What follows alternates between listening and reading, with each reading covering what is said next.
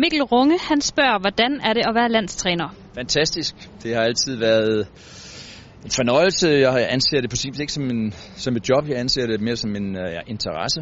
Uh, og uh, kigger på sin vis aldrig på, uret, på, uret, på uret, når jeg har med fodbold at gøre. Uh, så vil det altid være nogle stunder, som er vanskeligere end andre. Sådan er det, om du nu er fodboldspiller, eller om du er fodboldtræner, eller noget andet. Uh, men uh, det er selvfølgelig hektisk lige pt, når vi har sådan to vigtige kampe, og så er der andre perioder, hvor du analyserer fodbold og kigger på vores spillere eller modstandere har lidt mere ro. Øhm, men øh, nej, det er et pragtfuldt job, og det er også et øh, job, som jeg bærer med øh, stor ære og med stor stolthed, og kan repræsentere vores land også på den måde. Ja, så spørger Elias, hvad siger du til spillerne lige inden de går på banen? Det er meget forskelligt. Det kommer sådan lidt an på, øh, ja, hvordan man som træner føler situationen er. Øh, skal der strammes op på øh, indfaldsvinklen til kampen, mentaliteten, eller er der et godt spændingsmenu i forvejen, så skal du ikke sige så meget. Og så kan der være forskellige ting, som man lige øh, finger øh, sådan umiddelbart før en kamp. Øh, en god mavefornemmelse. Øh, men det jeg egentlig altid siger til dem, det er, at trods for, at der er en hel masse på spil, øh, så, og vi skriver det nogle gange også op på en plakat umiddelbart, når spillerne går ud, det er det, I skal kunne lide at spille fodbold, gå ud og nyde det. Øh, fordi det er det, det handler om. Nu er du kommet til de her afgørende kampe, og det er alle landskampe, de er afgørende. Vi har kun otte kampe i løbet af halvanden år, hvor klubber spiller 60 kampe. Øh, så alle er vigtige, men, og der er spænding på, og der er pres på, men, men hvis du ikke kan nyde det, hvis du er bange for at, at spille fodbold, jamen, så opnår du ikke noget.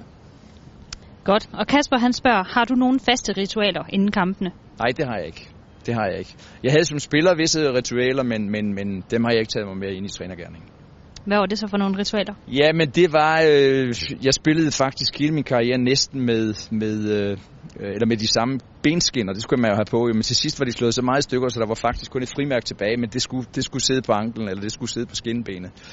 Øhm, så det var ritualet. Hvis jeg ikke havde de her blå øh, benskinner på, jamen, så kunne jeg ikke spille fodbold. Godt. Så har vi Anton, han spørger, hvordan har du det som person, når du læser noget negativt om din valg, både på og uden for banen?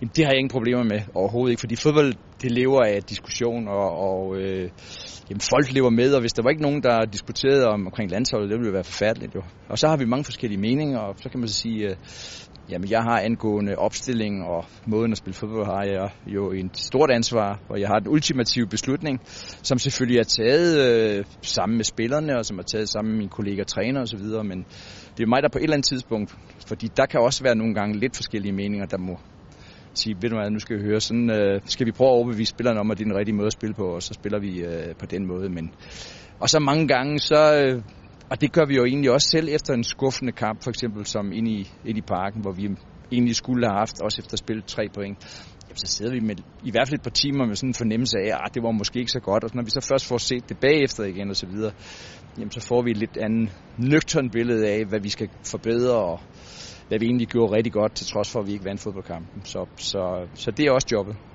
Godt. Tobias, han spørger, hvad laver du egentlig i din fritid?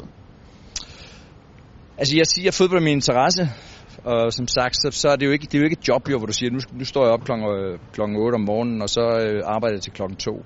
Altså på en eller anden måde, så rumsterer min interesse jo i hovedet hele tiden, og det handler selvfølgelig de sidste mange, mange år om meget om fodboldens udvikling, om vores spillere og vores modstandere, og at jeg også fodboldelsker øh, i almindelighed, så, så det går der en del tid med. Jeg kan godt lide at være i naturen.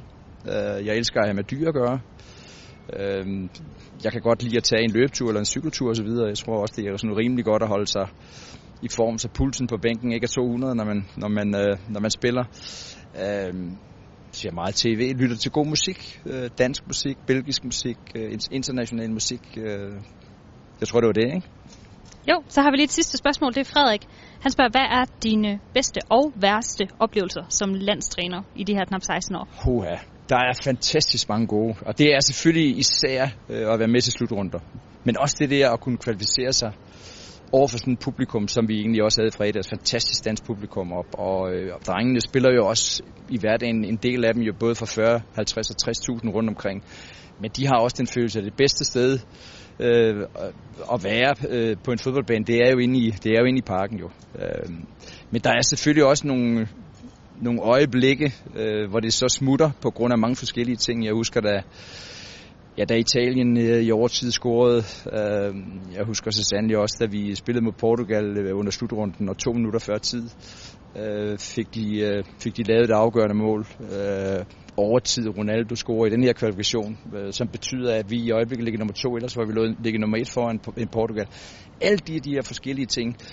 Det mest forfærdelige, synes jeg, det var baneløberen ind i parken, og det var den her dronehistorie, som vi nu har, hvor Albanien har fået tildelt af jurister. Det er sådan noget, der ikke rigtig har noget med fodbold at gøre, og det er ærgerligt, men det koster, det koster eller kan koste kvalifikationer. Og det er selvfølgelig noget, man ikke rigtig kan gøre noget ved selv, og det kan ærge en. Det synes jeg ikke er fair.